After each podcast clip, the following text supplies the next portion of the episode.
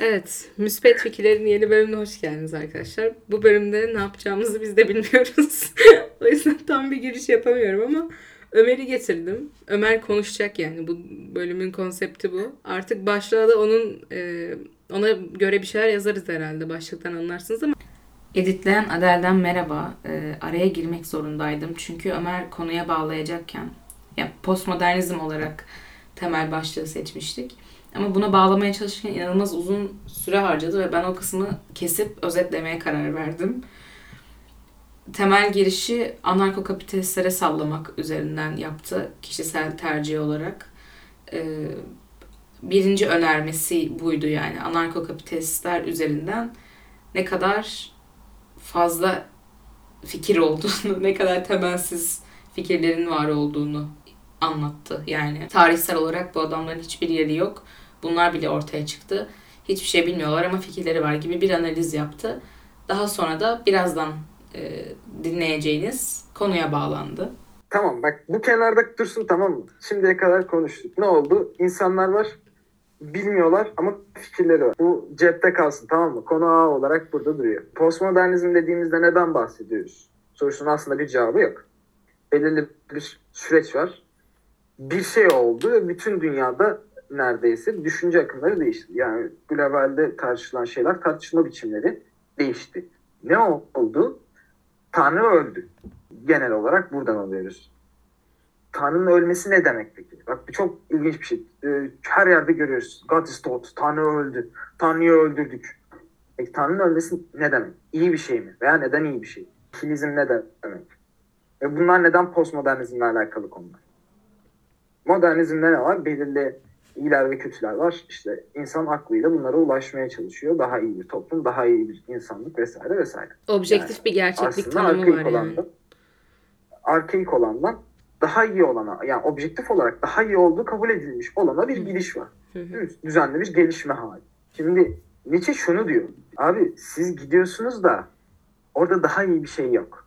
Veya burada daha iyi bir şey yok. Aslında dışarıda bundan daha iyi diye bir şey yok. Yani ulaşılması gereken bir hedef yok. İçkin olarak. Yani metafizik bir varlık yok diyor. Postmodernizm metafiziğin ölümüdür. İçkin olarak var olan şey. Varlıktan önce var olan öz ortadan kalktığında postmodernizm doğuyor. Çünkü öznel olan ortadan kalkıyor. Ee, şey nesnel olan, net olan ortadan kalkıyor. Ne oluyor? Artık iyiler değişken değil mi? İnsanların kendi doğruları var. Kendi ahlakları var. Birçoğunuz nihilistsiniz bu arada. Yani nihilizm öyle aa hiçbir şey yok. Aa bu kaşık aslında yok demek falan filan değil. Matrix'te değiliz. Bambaşka bir açıdan eğer bir taneyi reddediyorsunuz ve burçlara falan da inanmıyorsunuz, nihilistsiniz. Şuna gel- gelir bu çünkü. Bir tanrı yoksa, bir yaratılmadıysak günün sonunda veya bir düzenin işleyen bir çarkın parçası değilsek, planlanmış bir süreçten bahsediyorum. Planlanmış sürecin bir parçası değilsek aslında Heidegger'in deyimiyle dünyaya fırlatıldık. Puf kendimizi burada bulduk. Bunun bir e, anlamı, bunun çok böyle apolenik bir manası işte her şey bizim içinde veya biz şunun içiniz gibi bir şey yok. Çok paganist bir yerden. Abi biz dünyanın parçasıyız ve bir şeyler oluyor. Biz bu olan şeylerin sadece bir parçasından ibaretiz. Değil mi? Çünkü şunu biliyoruz. Eğer bizi yaratan bir şey yoksa, biz kendiliğinden olmuş bir şeysek bize amaç veren bir şey de yok. İçkin olarak. Ha, ne oldu? Bu sefer iyi yok oldu. Olması gereken, ideal olan yok oldu. Çünkü aslında bir şeyin en iyi hali tartışılmaya açık hale geldi. Günün sonunda vardığımız yerde bir şeyleri tartışabiliyoruz. Herkes bir şeyleri tartışabiliyorsa aslında herkesin kendi fikri olabiliyor demek. Bu beraberinde çok iyi şeyler de getirdi. Korkunç şeyler de getirdi. Korkunç şeylerden birisi ne mesela biliyor musun? Herkesin fikri olabilir ve bu gayet normal bir şey. Yani ankaplar olmak zorunda değil yani. Herhangi biri herhangi bir şey söyleyebiliyor. Ve bunun söylenemezliği tartışılamaz. Ha bak başka bir şey daha var. Yeni işte postmodernizm veya belki de metamodernizm diyeceğimiz şeyle beraber gelen yeni dünyada bir şeyleri söyleyemezsiniz artık. Neyi söyleyemezsiniz mesela? Ne olursa olsun. Hiçbir Alman Yahudileri ülkemde istemiyorum diyemez. İstese de istemiyor olsa da diyemez. E, bunun belirli e, hem sosyal hem hukuki sonuçları var artık. Ne oldu? Bir şeyleri dünyanın genel kabul ettiği şekilde yapmak zorunda da kaldık yeni dünyada. Kardeşim, şimdi ben yine halkın sesi Benim olarak şey- araya girmek zorundayım. Heh. Hani objektif gerçeklik yoktu, gerçeğe erişemiyorduk, herkesin kendi gerçeği vardı. Nasıl olacak şimdi bu dediğin şey postmodernizmle? Bak işte, bak işte. Bu çelişki burada başlıyor. Herkesin kendi gerçeği var. Ben hala Yahudileri bir Alman olarak ülkemde istemeyebiliyorum. Ve bunda bireysel olarak hiçbir problem görmek zorunda değilim. Çünkü bunda Hmm. bireysel olarak kendime haklı çıkardığım sürece problem oluşturacak hiçbir şey yok. Ne oldu? Komünel akıllar, sosyal zeka gelişti, sosyal kültür gelişti. Şimdi bak, Bir kültür oturdu ve bu kültür içerisinde aslında nereye gittik? Daha postmodernist ve daha arkeik, daha e, diyonizyak bir topluma ilerledik. Aslında kendiyle bir, e, e, barışık olan ve birey halinde var olmaktan ayrılmış. Yani bir bunu nasıl anlatayım? Bu e, biraz karışık olacak. sen o zaman kafanı toplarken ben araya gireyim. Bir şey soracağım. Lütfen. Şimdi e, bu şeyi ben de bir yerde okumuştum. Postmodernizmin bireysel özgürlükleri kısıtlama konusunda modernizmden biraz daha istekli olabileceğini. E, ama şöyle de bir mevzu var ya postmodernizmde. Görecelilik var. Yani hiçbir fikrin bir diğerinden daha değerli olmadığına dair bir iddia var. Yanlış mıyım? Böyle bir şey okudum ben. Ba- var var. Evet bak Ha, şimdi. Problem hiçbir şey, şurada hiçbir başlıyor. fikir diğerinden daha değerli değilse o zaman hangisini kısıtlayacağımıza dair olan özgüven nereden geliyor? Kısıtlamıyoruz. Şu- Problem şurada. Bak insanlar postmodernist olur. Toplumlar değil. Ne Hı. demek bu? Ne demeye çalışıyorum? Şimdi e, sosyalizasyon dediğimiz bir şey var. Ne? Bir grup insanın ya birden fazla insanın bir araya gelip beraber bir şeyler paylaşmaya başlaması. Bu paylaşımlar hakkında belirli toplumsal e, normlar geliştirmek, toplumsal kurallar geliştirmek değil mi? Toplumsal kurallar geliştiriyoruz. Ne yapıyoruz? Diyoruz ki ha ırkçılık kötü bir şey. Bunu yapmak kötüdür anlamında veya bunu yapmak iyidir anlamında söylemiyorum. Değil mi? Bu sosyal yapılar kurma süreçlerinin e, en temel öğelerinden birisi. Sosyalizasyon olmadan kalabalık olursunuz. Topluluk olmazsınız. Bir topluluk var. Topluluğa aykırı, çoğunluğa aykırı bir fikir var ortada. Değil mi? Burada eleştiren şey aslında toplumun kendisi. Toplum kendisine aykırı olanı. Bak bireylerden bahsetmiyorum. Bir e, kalıp olarak, bir kurum olarak toplum kendisinden farklı olanı, aykırı olanı kendine benzetme eylemi içerisinde. Bu e, şey değil. Kötü bir şey ya da iyi bir şey anlamında söylemiyorum. Olan şey, gerçekleşen şey. Ne oluyor? Çoğunluk azınlığı kendine uymasını bekliyor. Kendine uydurmaya çalışıyor. Burada daha kısıtlayıcı olan şey şu. Kısıtlanacak daha çok şey var. Çünkü daha çok fikir var. Her şey dekonstrükte oldu artık. Her şey ayrıştı. Her şey Hmm. parçalandı. Her şeyin bir şeyi var. Önceden yani e, sürekli anarşiden konuşuyorum. En içli dışlı olduğum konulardan birisi olduğu için öyle. Şimdi 60-70 tane anarşist fraksiyon var. Önceden öyle bir şey yoktu. Yani e, kara kızıllar vardı. Paris Komünü'nden vesaireden bahsediyorum. Yani 18-19. yüzyıl dönemlerinde Fransız Fransız ihtilali sonrasındaki süreçte. Abi kara kızıllar vardı, siyah bayraklılar. Takılıyorlardı. Yani eylem yapıyorlardı, isyan ediyorlardı, bir şeyler yapıyorlardı. Sonra bunlar kendi içerisinde ha sen şunu benden farklı düşünüyorsun, sen bunu benden farklı düşünüyorsun. O zaman sen benden şurada farklısın, burada farklısın, burada farklısın, burada farklısın. Ee, inanılmaz şekilde ayrıştılar. Ne oldu? Çok saçma bir şekilde inanılmaz bir ayrım var. Anarko-sendikalist ve anarko-komünist. Evet. Birbirine çok yakın olsalar bile bayrakların rengi bile aynı. Öyle düşün yani. O kadar yakınlar ama farklı şeyler birbirinden sosyal teoride. E abi çünkü çok ayrıldı her şey. E bu noktada kısıtlanacak şey çok fazla oldu. Postmodernizm bu yüzden daha kısıtlayıcı olma potansiyeline sahip. Çünkü e, söz söylenecek, topluma uymayacak daha fazla şey var. Topluma uymayan her şey kötü de değildir bu arada. Yani şu an günümüz Türkiye toplumuna ne uymuyor mesela? Transhümanizm uymuyor. Değil mi? Ama bana sorarsanız transhümanizm ulaşılması gereken bir hedef. Çünkü yani bizim Apollonik çağıyla beraber başımıza gelen o meşhur mitoloji hikayesi var ya insanlar çift gövdeliydi, taklalar atıyorlardı falan da filan. Zeus sinirlendi bunları ikiye böldü. Değil mi? Tamamlanmış insan aslında. yarım hale gelip şey olarak, bütün olarak, biricik olarak varlığını kaybetti. E ne oldu bundan sonra? İnsan bir şeylere ihtiyaç duyan, e, aslında tamamlanmamış olan ve net yapısı olan bir şey haline geldi. Artık tanımlanabilir oldu. O ilkel yaratık olarak insan için net bir e, şey yok, tasvir yok. Garip gureba bir şey. Ne oldu? Bütün haline geldi. O ilk insan mitolojide kim biliyor musun? Dionysos. İlk garip gureba Dionysos. Çünkü Dionysos ne tanrısı? Şarap ve e, zevk sefa tanrısı değil mi? Tiyatro, şiir. Hı hı. Neyi temsil ediyor? Dionysos kim? İki kere doğan tanrı. Ölüp ölüp tekrar doğan tanrı. Çünkü Dionysos bir birey haline gelme sürecinde çok pardon. Efendim bütün aslında meta hikayelerin ötesinde bir şey değil mi? Bütün meta hikayelerden aykırı bir negatif tanrı. Yani e, bir şey var ve o şeyin tersini istiyor aslında. Ne yapıyor? Zeus'un baldırından doğuyor, babasından doğuyor. Dionysos doğuyor. Zeus belki de anlatıda ilk defa halsizleşiyor, çöküyor, zayıflıyor. Babasından doğup babasına zarar veriyor. Babasına hasar veriyor. Çünkü Dionysos annesinin oğlu. Dionysos hep annesini arıyor. Kimi arıyor? Sakallı annesi. Değil mi? Ee, ne oluyor? Dionysos aslında bizim transhumanist varlığımız. Dionysos nasıl Efes'te bir heykeli var. Dionysos erkek bir e, tanrı. Yabancı tanrı hatta belki onu da konuşuruz. Ama göğüsleri var. Değil mi? Kadın uzuvları var. Çünkü Dionysos net olarak şu ya da bu değil.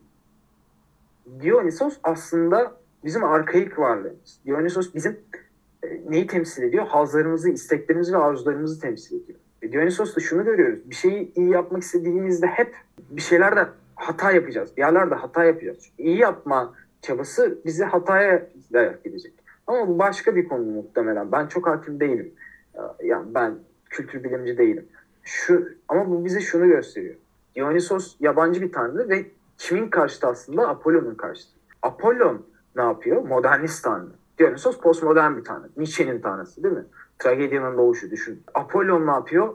Hindiği yeri güzelleştiriyor. Nasıl güzelleştiriyor? Bağlar oluyor orada değil mi? Tarlalar. İnsanın işleyişine uygun hale geliyor. İnsan için olan hale geliyor. Güzel. Yani işlevsel olan haline geliyor. Dionysos da öyle değil. Dionysos da hiçbir şekilde insanın yararına ya da zararına bir şey yapmak gibi bir çabası yok. Dionysos sadece yapıyor. Dionysos kaosu, Apollon kozmostur. Aslında var olan ve var olmaya devam edecek olan şey de kaos. Kaos ne yapıyor? Kosmosu yemeye devam ediyor. Ve günün sonunda bitirecek. Apollon ne olursa olsun Dionysos'a galip gelemeyecek. Dionysos'un yanına kim gidiyor mesela? Oedipus gidiyor. Ne yapıyor Oedipus? Annesiyle birlikte oluyor değil mi? Aa burada çok farklı bir şey var bu arada. Anlatı var. Çok ilginç bir şey. Oedipus da annesinin oğludur bu arada. Ne yapıyor? Babasını öldürüyor. Babasına karşı e, e, girişimleri var. E, Burada bir babasını öldürüyor. Sonra annesiyle bilerek ya da bilmeyerek hikayede anlatı değişir. Birlikte oluyor. Sonra kendini cezalandırıyor. Ne yapıyor? Gözlerine uyuyor. Ne demek bu? Dünyayı gören, onu algılayan, onu şekillerle bir biçime sokan gözlerini Apolloncu özelliğini yok ediyor. Ve Dionysos'un yanına gidiyor. Apollon'u reddediyor. İşte günümüz insanı da Dionysos'un yanına gidiyor ve gitmeye devam edecek. Bu bize ne getirdi? Bu bize transhümanizmi getirdi. Bu bize çeşitli insan haklarını getirdi. Ama aynı zamanda bu bize inanılmaz kaotik ve insanın şimdiye kadarki sos, kurduğu sosyal yaşantıya uygun olmayan bir dünya görüşünü de getirdi. Biz şimdi her şeyi konuşalım istiyoruz. Ama hiç bazı şeyleri de hiç konuşmayalım istiyoruz. Hem inanılmaz özgürlükçüyüz hem inanılmaz faşistiz. Meta anlatıları yok etmeye çalışırken yeni ve daha aa, büyük gruplar tarafından kabul edilmiş meta anlatılar doğduk. Bu meta anlatıların doğması veya hepsi veya birkaçı iyi ya da kötüdür gibi bir şeyden bahsetmiyorum. Bize ne getirdi? Bir doğrucu davutluk getirdi ve bazı şeyleri hiç tartışamaz olduk. Ve bu böyle gitmeye devam edecek. E burada sınır nerede? Nerede çizilecek veya nerede çizilmeli? Madem her görüşü, herkesin bir görüşü olabiliyor anlatısını kabul ettik postmodernizmle beraber. Çünkü neyi kabul ettik? Aslında iyi diye bir şey yok. Değerler var. Ne, değerle iyinin farkına değer birey tarafından belirleniyor. Kabul ediliyor. İyi zaten orada var bir hedef. Oraya gitmeye, ona göre yapmaya çalışıyorsun. Atıyorum. Ee, Atamıyorum. Aklıma bir şey gelmedi. Kafam karıştı ya. Postmodernizm beni çok görüyor. Aslında çok iyi bir şey ama aynı zamanda çok da kötü bir şey. Kanka benim de kafam çok karıştı. Ben hazırlandığımı düşünüyordum bu bölüme tamam mı? Baya hazırdım yani. Post Ee, postmodernizm çalıştım yani gelmeden. Ama şey o kadar böyle başka bir yerden anlatıyorsun ki mal gibi kaldım böyle dinliyorum yani. Ya postmodernizm işte sosyal hayatımızdaki yeri bu aslında. Sen beni zorladın ya sosyolog olarak geleceksin diye. Sosyalizm, e, sosyalizm değil, postmodernizm bize bazı şeyler getiriyor ve bizden bazı şeyler götürüyor. Diğer bütün düşünce akımları gibi. Peki dur. Yani dur. postmodernizme özel bir şey değil. Arada araya girmeme izin ver dövmeyeyim seni. Ee, Tamam. postmodernizme getirilen birkaç eleştiriyi şey yapacağım. Ee, katılıyor musun onu soracağım. Tamam mı? Tabii. Şimdi önemli birkaç eleştiriyi araştırdım ve şunlar var bir tanesi. Çok korkuyorum çünkü bunun hakkında çok konuşacakmışsın gibi geliyor. Yine de sorayım mı? Sor ya en fazla direkt siktir ederiz bölümü yapmayız yani. Sohbet etmiş oluruz kendi aramızda. ben bir şekilde buradan bölüm çıkartırım. Neyse. The Closing of the American, American Mind'dan geliyor bu eleştiride. Ee, şey iddia ediyor. Postmodernizmin kültürel e, ve entelektüel çöküşün ana nedenlerinden biri olduğunu savunuyor. Çünkü e, postmodernizmde şey biraz var ya e, yüksek kültürle popüler kültür arasındaki değer farkını kaldırıyor ya. Popüler kültüre biraz daha okey veriyor. Bunun da kültürel ve entelektüel çöküşe yol açtığını iddia ediyor. Ne diyorsun? Ben çok katılmıyorum ona ya. Ya evet kaldırıyor. Çok ciddi oranda kaldırıyor. Artık e, ve bence kaldırmalı da bu arada. Bunda olumlu etkileri var. Yani şeyi de görmemiz lazım. Entelektüeller ve entelektüel olmayanlar diye bir sınıf ayrımı yapabiliriz. Statü ayrımı yapabiliriz. Tamam mı? İşte ben ne yapıyorum? Kitap okuyorum, sanat filmi izliyorum. İşte ne okuduğum kitap Wattpad kitabı değil de bakayım ne var şu an mesela Bukowski okuyorum. Nietzsche okuyorum falan filan. Kendimi bir şekilde e, entelektüel olarak farklı bir konuma sokuyorum. Pop kültürüne ana akımda olan ve hızlı olan e, kapitalist kültür.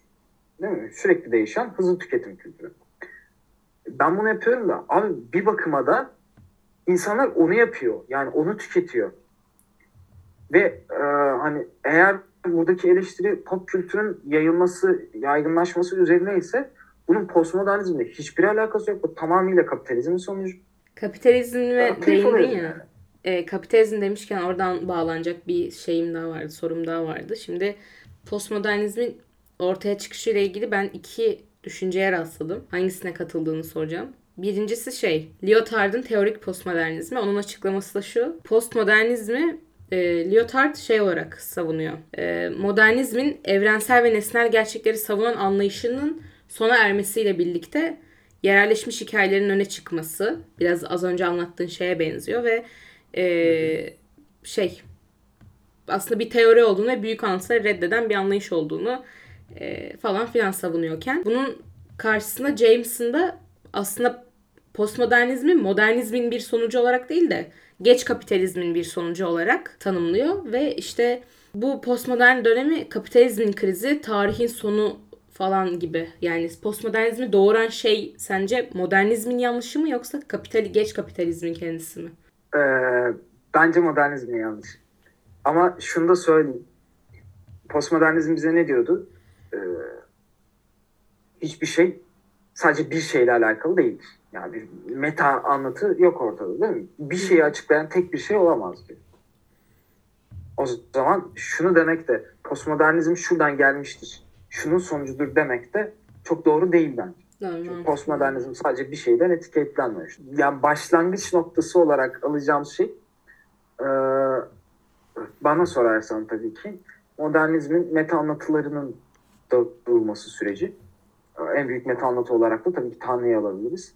O yüzden sürekli tekrar ediyorum Tanrı öldü, Tanrı öldü diye. Çünkü metafizik öldü. Tanrı'nın ölmesini alabiliriz bence. Ama bu şu demek değil işte geç kapitalizmin etkisi yok falan filan. Hayır abi Tanrı daha önce de birçok kez öldü. Ama bu herhangi bir postmodernist çağ doğurmadı çünkü. E, ne olacak? E, Tarih bir rast geliş halidir. Belirli şartların ortak bir noktada bulunması halidir. Tarih oluşturan şey, tarihsel süreçleri oluşturan şey budur. İşte ne oldu? Nietzsche oldu. Geç modernizm, geç kap- kapitalizm oldu, modernizm oldu. Dediler ki tamam artık postmodernistsiniz. Bu senin katıldığın adam Lyotard temelde şunu söylüyor bu arada biraz toplamam gerekirse. Modernizmin bilgi anlayışı şey ya, bilgi evrensel ve nesnel, herkes tarafından e, işte kabul edilmeli ve doğru bilgi var ortada ve bu bilgi insanların problemlerini çözebilir onunla ulaşırsak gibi bir modernizm Evet. böyle bir bilgi anlayışı sunuyor. Bu bilgi anlayışı o kadar yüceleştirilmiş bir bilgi anlayışı ki bilgi ekonomik bir faktör haline gel- geliyor. Çünkü artık insanlar ona ulaşmak istiyorlar problemlerini çözebilmek için ve bu da bilginin e, ekonomik bir faktör olarak ele alınmasını ve bu da bilginin değerinin piyasada be- belirlenmesini, e, özel bireylerin, özel sektörün bilgi üretimine dahil olmasına ne- neden oluyor. Yani o insanların problemlerini çözecek olan bilgi tanımı modernizmin insanların o bilgiyi sürekli araması ve sürekli yeni yeni bilgiler ortaya atılması e, sonucunu da bir doğuruyor. üretim haline geliyor aslında. Eh, evet evet. Ee, bu açıdan bakınca hani doğrudan doğruya bu şekilde olmuştur ama çok büyük problem. Yani çünkü kapitalizmi sen ekmek almak için para veriyorsun diye yıkmazsın. Ortada başka bir şey olması lazım. Ne olması lazım? Senin ekmek ekmeğe ulaşamıyor olmanın sana başka zararlar veriyor olması lazım. Modernizm öncesi çağda sen ekmek yiyordun ama bilgiye zaten ulaşamıyordun. Yani bilgi şunu biliyorsun. Bilgi senin e, o kadar da ihtiyacın olan bir şey değil. Ama neye ihtiyacın var mesela artık? Ee, daha özgür olmaya ve kendi doğrularına inanmaya ihtiyacın var. Böyle bir anlatı kurulmaya başlanıyor artık. Sadece Nietzsche'de değil. Nietzsche'de bunun etkilerini gö- görüyoruz bence sadece. Çünkü e, hiçbir filozof çağının çok ötesinde düşünmez.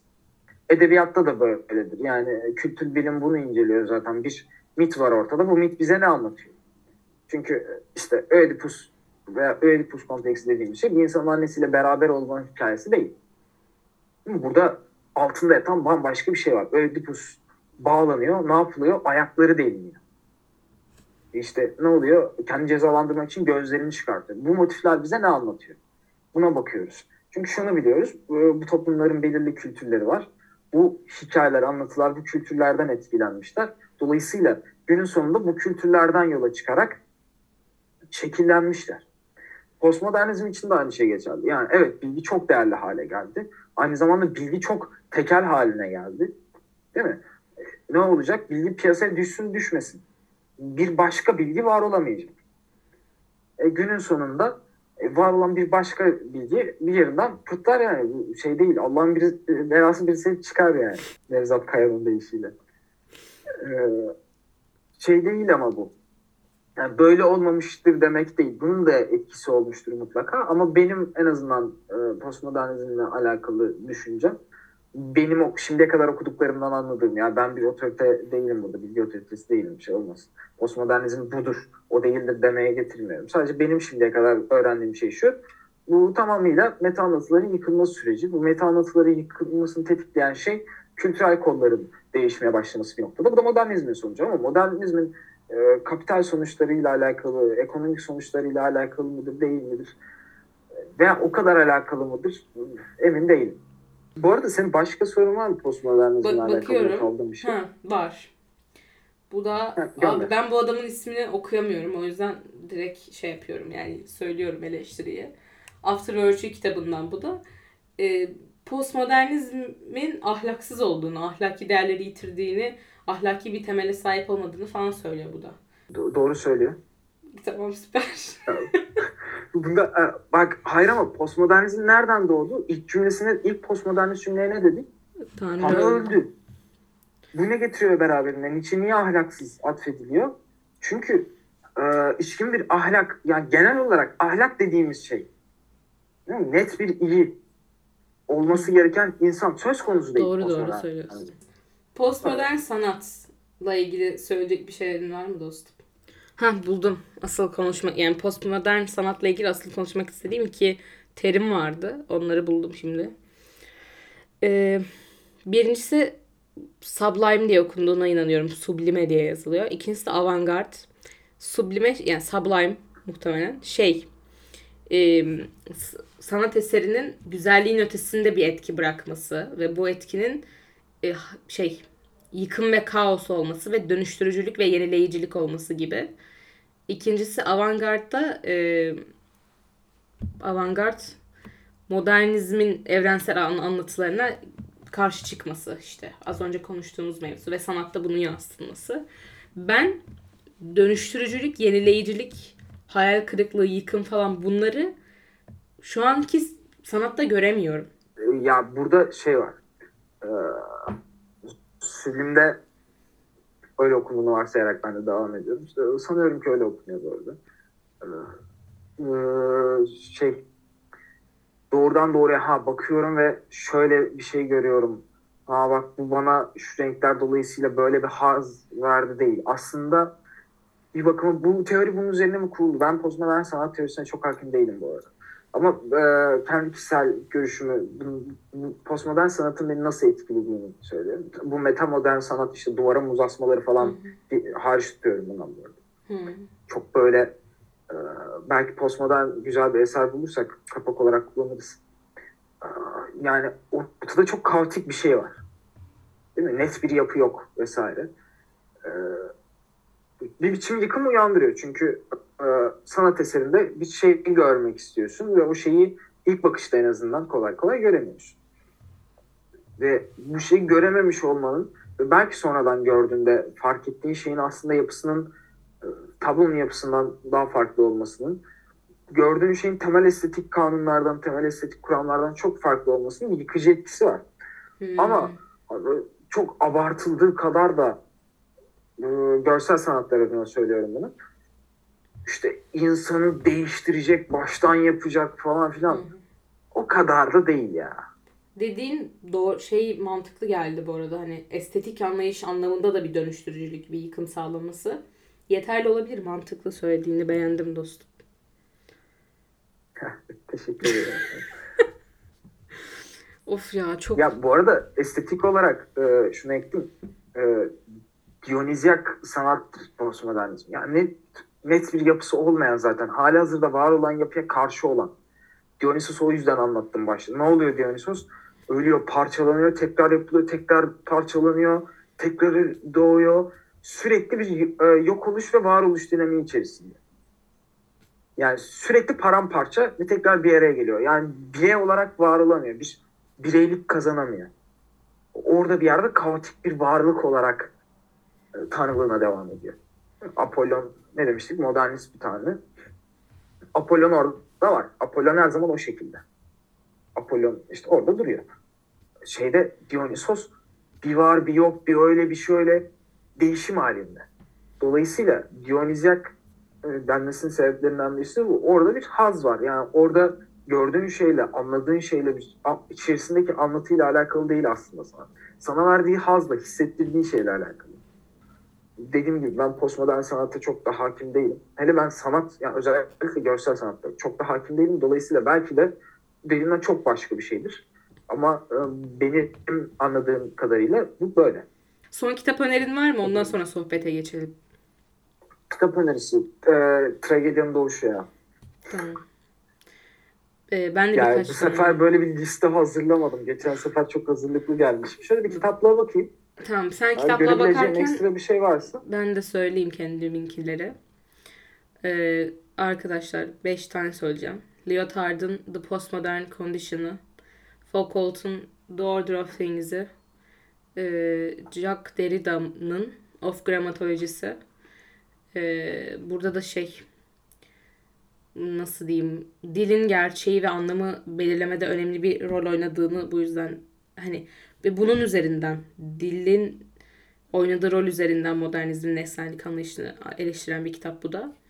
Baudrillard'ın e, Simulacra ve Simulation'ı bir de Jameson'ın Postmodernizm or the Cultural Logic of Late Capitalism mi? Bunlar müthiş kitaplar. Aşağıya da yazarım. Ee, Yani bunların hepsinin Türkçesi var arkadaşlar. Şey yapmayın. Ben Gerçekten. Konuşuyor ya. Koç'ta olduğu için. ya hayır. Simülasyonlar ve simülaklar sona ek olarak ne ekleyebilirim? Foucault zaten postmodernizmin önemli isimlerinden birisi. İşte psikoloji ve ruhsal hastalık, kelimeler ve şeyler, e, tarih üçlemesi, bu gene, genomoloji mi deniyordu? E, cinselliğin tarihi, deliliğin tarihi ve hapishanenin doğuşu üçlemesi, e, söylemin doğuşu, Hakeza Bilgin Arkeolojisi gibi kitaplar e, önemli eserlerdir. E, Bakayım Baudelaire direkt okuyabilirsiniz. Ya buradan sayma şeyine giremedim şu an. Zahmetini. E, Çok hakim olmadığım için isim söylemedim de yani önemli isimlerdir bunlar postmodernizm bakımında. Dediğim gibi Nietzsche'yi okuyabilirsiniz. Nietzsche'yi ama şey beklemeyin yani Nietzsche size postmodernizm şöyledir veya işte Dionysos da Dionysos, Dionysos'un felsefesi şuydu falan filan diye anlatmıyor. Nietzsche aslında baktığınız zaman e, felsefeci e, olarak varlığı sorgulanan bir isim hatta öyle söyleyeyim. Çünkü Nietzsche diğer felsefeciler, dönemin diğer felsefecileri gibi böyle çok aşkın bir felsefe bilgisine falan sahip değil. Nietzsche bir şey anlatıyor. Anlattığı şeyin felsefi bir değeri var. E, Ve felsefede çok fazla şey değiştiriyor dolayısıyla. Ama Nietzsche aslında bir bilimci. Tragedyanın doğuşu e, özellikle Almanya Yunan tragediyası üzerinde oldukça çalışmış bir ülke. ülke. Alman Akademisi o konuda inanılmaz çalışmalar yürütmüş bir akademi. Aynı şekilde Nietzsche'nin de ilgi alanlarından birisi yeni bir tragedi inşa ediyor. Bu tragedyadan esinlenerek bir şeyler daha doğuruyor. Nietzsche'nin önemli kılan şey şu, tragedyada tekrardan Dionysos'a yönelen bir isim Nietzsche. Yani tekrardan aslında postmodernizm o şekilde doğuruyor. Bizim o şekilsiz tanrımızı dünyaya getiren bir isim. Nietzsche'yi o bağlamda okumanızı öneririm. Dinlediğiniz için teşekkür ederim. Ee, şey Ömer'in daha önce geldiği bölüm bu podcast'ın en çok dinlenen bölümü. Bin falan oldu sanırım şu an. Umarım bu Oh. da hayır getirir. Güzel. Dur tamam ben kapatıyorum burayı. O diğerinde mi kayıt alacağım sohbeti? Almıyor musun? Şu an alıyorum. A- alayım sohbeti ama hani paylaşmamın garantisi yok. Çok akarsa Yok paylaşırım. canım ya sana içerik çıkar belki diye. Tamam burayı kapatıyorum arkadaşlar. Görüşürüz. Kendinize iyi bakın. Bay bay.